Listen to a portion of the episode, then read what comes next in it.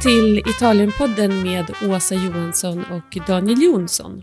I det här avsnittet så åker jag till Fattoria Nitardi som ligger i Chianti Classico i kommunen Castellina in Chianti mellan Florens och Siena. Här träffar jag Leon Femfert som är son i familjen och tog över gården 2013. Det var hans pappa Peter som köpte Nitardi 1981. Och pappa Peter han är en berömd tysk gallerist så att det är fullt med konst och statyer på Fattorini Det är alltid fantastiskt intressant att komma dit. Varje år så har man även en berömd artist som designar en av gårdens etiketter. Och eh, Historien bakom gården är minst sagt eh, fantastisk. Eh, bland annat så har den varit ägd av renässanskonstnären Michelangelo Buonarroti. Och eh, Michelangelo han arbetade ju för påven och man har hittat brev som berättar att Michelangelo vill ha vin från Fattoria Nitardi och ge till påven. Så att än idag för att det här är en fråga som kommer upp i intervjun som faktiskt aldrig blir besvarad. Men än idag så skickar Leon som gåva till påven eh, sex flaskor vin eh, varje år. Någonting som verkar vara mycket uppskattat. Och det förstår man när man provar vinerna. Eh, de gör både Chianti Classico och viner från södra Toscana i Maremma. Hör vad Leon har att säga i den här intervjun. Jag hoppas ni tycker om det. Vi hörs snart igen. Ciao, ciao!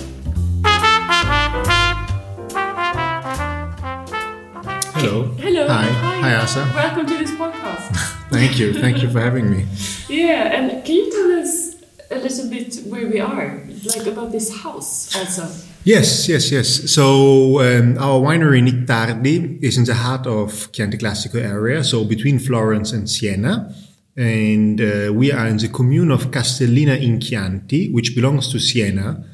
And our winery is just on the border between Castellina in Chianti and Panzano. So this means we are also on the border between Siena and Florence. So you have the black rooster on your label. Exactly. We have the black rooster, which represents our our uh, region, the Chianti Classico, uh, on all our Chianti Classico bottles. Absolutely. And, you work mostly with the, which variety? Uh, so uh, the, the main variety we have here, and the main variety of Tuscany, I would say, is Sangiovese, and also here at Nittardi we have mainly Sangiovese. Our winery is a very ancient uh, winery, uh, going back to the 12th century. The main house where we're now here is um, it's the oldest document we found is from 1183. 1183. That's yes, crazy. and it was called Villa Nectar Dei. So Nectar Dei in Latin means uh, the juice of the gods. And so it was already an ancient way to talk about wine because um, apparently there were Benedict monks who uh, were producing already uh, wine here in the Middle Ages. And the winery then uh, had kind of a famous moment during Renaissance period because Michelangelo Buonarroti, uh, the famous Florentine artist, That's Michelangelo. yes, uh, the, the guy who, who, who did the David sculpture. Um, he purchased Nittardi from the church in 1549. Oh, so, bought, he yes, he bought Nittardi. Did he like wine? Apparently, yes, because um, so Michelangelo originally from Florence, and he worked for the Medici family uh, for, for for a long time. But then he moved to Rome, and uh, he worked for the Vatican, for the popes, for different popes, and among other things, he painted the Sistine Chapel. And um, and then he stayed in Rome and never came back to Tuscany. Um, but uh, he, uh, when he was in Rome, from the church, he bought uh, Nittardi.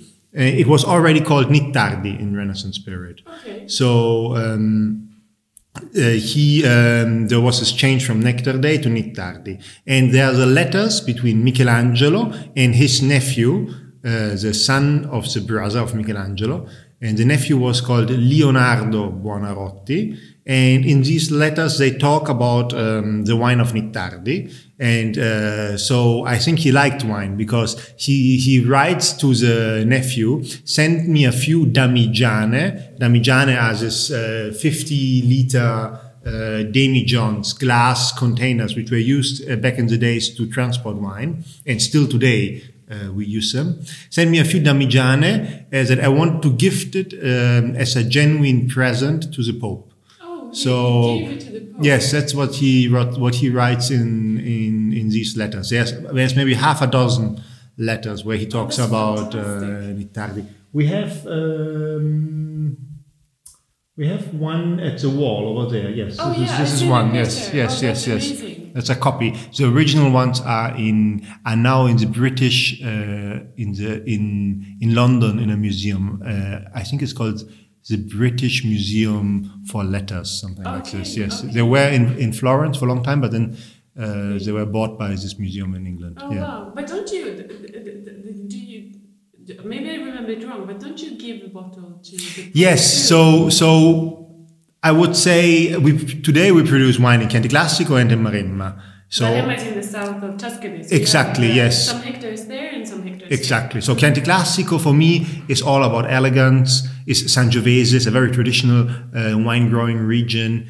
And uh, it's about wines which have great drinkability, which go very well with food, which go all year round, really. And it was all kind of foods. Maremma is not as traditional as a region. So we started in the late 90s there. And it's a region where um. Closer to the sea. also. closer to the sea, warmer climate, warmer climate. So a little bit richer wines, um, a bit softer. Uh, the tannins are not really. Um, sometimes Sangiovese tannins can be a bit harsh when they're young, and they need some some years to to come around and to soften. Or Tuscan food to go. Or, or Tuscan, or a lot of bistecca Fiorentina, exactly. And uh, in the Maremma, uh, we don't. It's it's a different climate. It's a warmer climate, so the wines are softer, more juicy, more fruity, and Less uh, hard edges. yeah, exactly, exactly, exactly. So, uh, so these are a bit the two different uh, style, styles we play with: more traditional style in Chianti Classico, and a bit more modern style in Maremma. And to the Pope. Exactly, yeah, to the Pope. And uh, so uh, we, my, my parents started in 1981 in Italy. Because they're not Italian. My mom is from Venice, but she studied in Florence, and then she fell in love with Tuscany while she was studying art history in Florence. My father is German; he uh, is from Frankfurt, and. Um, my mom then uh, they, they met in, in the late 70s and my mom then they married and they, my mom moved 1980 to, to germany. And i think it was a, a period uh, well before climate change and the germans really were all about birkenstocks and uh, and leberwurst. So uh, after one year in germany my mom said peter i love you but i don't want to spend my rest the rest of my life in rainy frankfurt and my father, uh, who just started, uh, he's an art gallerist and he just started the art gallery in Frankfurt, said, okay, I love this woman, I have to do something. If not, she will run away very quickly. So uh, through a friend, they knew um, that Nittardi was for sale. You have to uh, remember that in the late 70s, early 80s, Chianti Classico was nothing like it is today. So today, Chianti Classico is all about uh, fancy houses, and uh, nice villages and a lot of tourism. But in this period, um, the region was very run down, was still very run down. A It- lot of abandoned a lot of houses. abandoned houses, exactly. No one wanted to stay here. Exactly, no exactly. To make wine here. everybody moved to the cities and so it was this period between the maybe middle of the 70s and end of the 80s where a lot of people from milan but also from germany switzerland england uh, sweden came to came to tuscany and invested in this very in not so much they were able to buy for not so much money uh, very nice properties. And then also the Italians, the historic families from Florence and from Siena, they said, well, if if all these foreigners can do it, we should uh, we can do better too. So it it was a very dynamic moment, I think, Yeah. where this influence from outside helped also the locals to to try to do better. Yeah, because it has been um, quite a journey in a very short time. If you imagine the wines Yes. from there, Yes. uh, like that was made at, at, at that time compared to now, it's they made a bigger difference in 40 years than in a thousand years. It's true. It's true. It's quite incredible. It's true because Chianti Classico, as I was saying, I mean, at Nittardi they were doing wine 900 years ago already. So Chianti Classico is a very historic area. But if you look at high quality wine production, like we know it maybe from Piemonte, from Bordeaux, uh, is only really started in this period in the 70s and in, in the 80s even but even in the 80s i think the good producers in the 80s were maybe a dozen not Exactly, more exactly. and now we have i don't know i mean maybe we have at least 100 producers which produce very good wines every year i would say Yes, yes, and I'm so impressed. Like uh, the last years when we go to the uh, previews of Tuscan wines and you try all the Chianti Yes, yes. it's really amazing how high the quality yes is. And it is a different shades of Sangiovese Yes. that they're all aiming for for quality. And it's Exactly. quite safe for like 10, 15, 20, yes 30 euros, like yes no money at all. You get really, really uh, It's, high it's true, yeah. So there was for sure a revolution in the last uh, 30, 20, 30, 40 years, I would say, yes. So they came here. So they arrived in 81 and they had no clue about wine actually. So, but they, lo- they loved the place and um, my mom started to do then um, courses for uh, Germans who wanted to know about it, Italy. So uh, there was a big interest in, in, in Germany about Italian food, Italian lifestyle, Italian language, and all this. So she started to bring Germans uh, to Nittardi and teach them Italian. And they said always one week, two weeks, and she organized courses for uh, for these people. And this is how we started in '81. And my father took uh, um, from the beginning was was very interested. He had not not much experience, but he had a big passion and uh, was very very very very curious uh, about the wine world. So he started from '81 uh, to to look after the winemaking. And so '81 was the first vintage, and um, from when, the when were you born? '83. 83. 83, yeah. So a little bit younger than Yes, yes, yes, yes, yes, yes. So I'm the oldest one. I have a younger brother, but we always joke that Nittardi is uh, the oldest brother. and your and brother drinks a beer, yes, my brother, he's he's a, the, rebel of the family. So uh, always when we gather together and we, we drink, we like to drink wines from all over the world, from different producers. And, my father is a very big seller, so it's always a good moment to open a good bottle of wine. And my and my brother takes a bottle of beer and puts it on the table and and says, "I don't, I don't, fun in the family. I don't care. I don't care. So from the beginning, from '81, they, uh, my parents started to do a wine which is called Casanuova di Nittardi. So Nittardi is the name of the main house, which is from the 12th century, and then we have a second house, the new house, Casanuova. Um, which is um, from the 16th century, so also relatively old, but maybe for Tuscan uh, for, for Tuscan standard Casanuova. It's almost modern. It's always modern, exactly. And um, for this wine, um, uh, Peter, my father, had the idea. Uh, let's try to combine my background in art as an art gallerist. Let's try to tell the story of the place and the history of Nittardi with Michelangelo as a historic owner. Uh, and let's try to combine art and wine. So from the first vintage 81, he asked every year different artists uh, to paint two paintings. One painting for the label and a second painting for the wrapping paper that protects the bottle. So um, this is now the 2018, which is the current vintage, and was painted by a German artist, Johannes Heisig. And uh, on the label, you can see a Bacchus, the god of wine, and a mu- um, um, how do you say a muse? A muse? A muse, uh, and he holds a glass of wine to her. This is the original over there.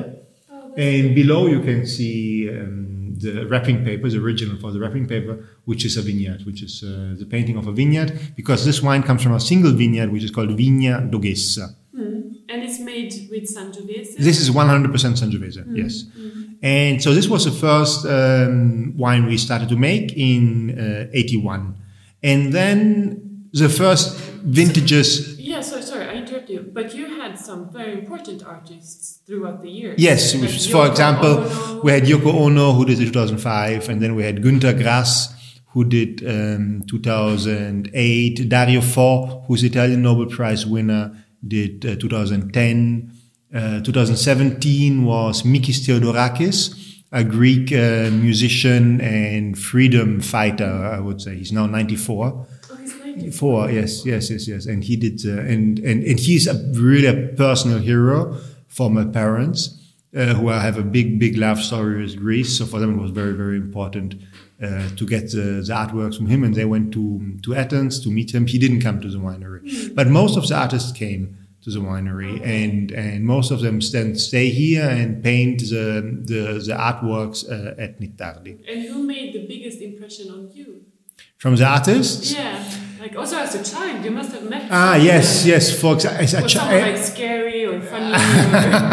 yeah, I mean, many, many of them are very, very. How should I say? Particular. Very, also very. But one who I remember very well was Friedensreich Hundertwasser, an Austrian artist who is also very well known as an architect. Uh, in Vienna, he built many, many buildings, and um, he was from he was born in the twenties, and he passed away in two thousand. But um, he and he did the eighty nine label for us. And then uh, he came often to Nittardi, and he was one of the first ecological um, thinkers and uh, ah, when it comes to architecture when organic architecture so he was against one of his dogmas was against the 90 degree um, angle. angle. so all the buildings he built are all round and the rooms are, are, are very organic and was he a nice like, and he was a very strange guy okay. very very strange guy okay. but i remember this uh, when we um, uh, I was a kid and we were driving through France with him and uh, on our on our country road and there was this guy who was who was who was just going to cut a tree and he stopped uh, and and we stopped the car and he told him look don't cut the tree. I will pay you every year whatever it takes but you don't cut the tree so you leave the tree. And still today uh, uh his um, the people, foundation. this foundation exactly pays uh, this small proprietor, this small owner of the land to leave this tree. No. So, and, and there are many, many examples about Hundertwasser like this. So, okay. He, How did the guy that was cutting the tree, what did he say? He must have been. yes, he was very surprised. it was very strange because Hundertwasser was talking no, was speaking no French. And so my father was doing the translations and he was very surprised. Yes. Okay. It was, uh, and and yeah yeah because the art is all around like if you come to Nittardi it's like entering a a magical world. There are art pieces in the garden. Yeah, so we have a, we have around forty sculptures uh, all around between the vineyards and around the two houses, a little bit in the cellar.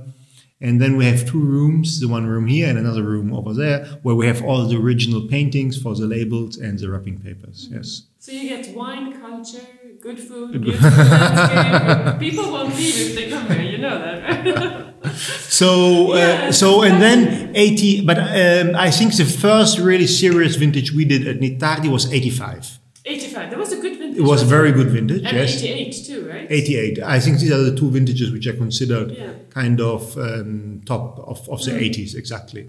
And 85, we did the first Riserva. And the Riserva is our top Chianti Classic, which we don't do every year.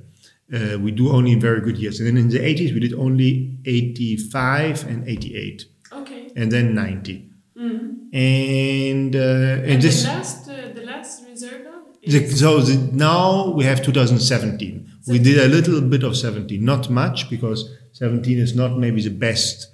It was very warm. It was a very hot year. Mm-hmm. Exactly. So the problem uh, in very hot years is that the alcohol goes quickly very high, the acidity goes down, so the wine tends to be a bit flabby and loses a bit of freshness. Mm-hmm. Um, but you have to pick because if not, the alcohol goes too high. Sure. And then, but then the risk is that the, the, the fruit, the grapes, are not completely mature, and then sometimes you have this kind of dry feeling yeah, on the on the on the on the on the palate. So you have you, the, you have the feeling that the, the tannins of the of the wine uh, tend to to be a bit harsh. Mm. And so you made just a few bottles. Exactly, but so seven. But still, I'm very happy because, uh, especially for the Riserva, because I think it's a wine that, thanks to a little bit longer aging in oak, so uh, two years in oak and then around one year in the bottle, had time to evolve. And the tannins uh, now are very well integrated, I would mm-hmm. say. So 17. This will come to Sweden too. Uh, yes, yes, mm-hmm. yes, yes. Actually, we'll ship it next week or so. Okay, yes, okay. yes, we yes, yes. keep up. But you came to the winery in 2013. Exactly. right? So uh, I worked for a few other wineries in Burgundy and in Chile. And so I did a few experiences uh, in other places. While during the uh, holidays and during the harvest, I always came back to Nittardi and uh, we're always helping here. But I wanted to do, see also some other other places and, and get some other ideas as well. But you, your idea wasn't to work in wine. You studied philosophy. Yes, yes, yes, that's correct. I studied philosophy and um, I wasn't sure actually. I wasn't sure. And then in 2013, uh, I said, and after working in Chile for a year and after working in Burgundy, I said, I think now it's time to. Uh, I mean, I was 30 years old, so also it was time to, to get to get more a bit more serious. And it has been a great trip. It has been a, great a great trip. We have a great team at Nittardi. Uh, we have been working with a consultant winemaker, which is Carlo Ferrini, since 1990. So I have no, I have known him really since I'm a kid. And for him, for me, he is really um, a very, very, very good teacher from from whom I had the chance to learn a lot. And, and then we have many people in the, in the in the vineyard, in the cellar, in the office who have been with us over 20 years. So they have known me really since I'm a kid. And um, That's quite a challenge, though, to come in when they know you as Yes. a child and Yes. come in and like decide. Yes, it's true. It's true.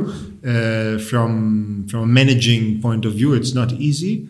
But uh, today, I have to say, I'm very happy because uh, we are like a, a little bit like a big family. We all eat lunch every day together, and uh, so there's there's there's a very good relationship between the people. And uh, in, especially in the beginning, it was not easy to to convince um, uh, my colleagues to do maybe things a little bit in a different way and to Yeah, because you to made this winery organic. right? exactly. In for example for, for example exactly. We started in 13 when i came back. And the first year was terrible. There was really a lot of fighting. And, What did they say? and they said no it's all marketing. It's not necessary. Don't uh, don't uh, listen to these hipster things. It's all it's um, there's no there's absolutely no difference because this is what they teach in uh, agriculture universities until a very short time ago. That really um, there is no proof that organic viticulture is better.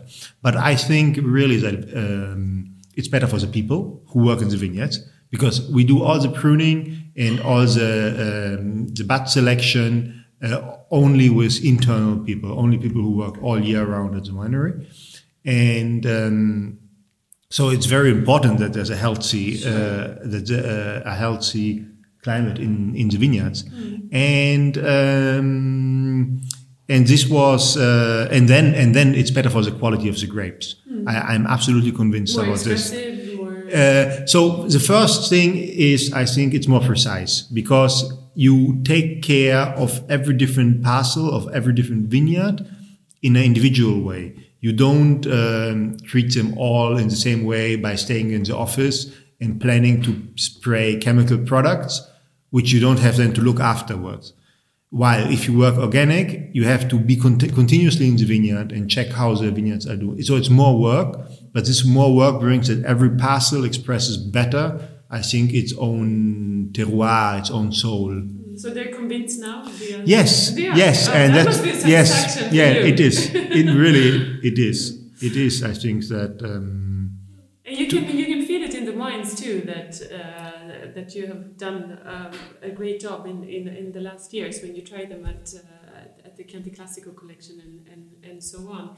So Thank you, thank in you. Nittardi you get art, philosophy, and Wine? yes, yes, yes. I think. Uh, I mean, the focus is always us to to uh, produce great wines, which uh, which show which show where they come from, Chianti Classico and Maremma, and um, but which also have a, a story to tell.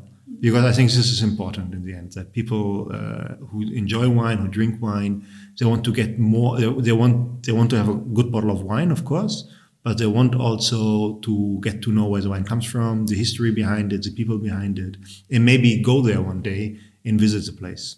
Oh, that's that's nice. I'm Hmm. sure uh, that many will be interested to come here and see see where Michelangelo worked and all this beautiful artwork. It's it's quite an amazing spot. Cool. And Thank you, Asa. Very protected also. Yes, we have It's own. like being yeah. on an island in the Yes. Chianti Classico. Like But you know that Chianti Classico, the name Chianti, comes apparently originally from the Etruscan word clanthe. And clanthe means the sound of the forest. So the, the, the, the noises, uh, the music we hear in the forest. So this area, today we know it by manicured vineyards and perfect olive uh, orchards. But back in the days, it was all forest. It was very famous for the oak trees and for the for the for the hunting and for the forest. And um, so here we are here, Castellina, between Castellina, Radda, and Gaiole, in the historic area of Chianti Classico. Still today, we have a lot of forest, and and we just just at Nittardi we have uh, over 100 hectares of forest which protect all our vineyards. So this is really the the old heart of um, of Chianti Classico. And then in uh, the Chianti Classico area then grew a little bit over the centuries. Some communes, some villages were added to the wine production area. And but if you go to these other places, you see much more vineyards and less forest. But so probably, it's here you can listen to the sounds. Of but for sure, forest. but for sure, for sure, no, no cars, no, no airplanes here. No, no, no. Thank you so much, Leon. Thank you, Asa. Thank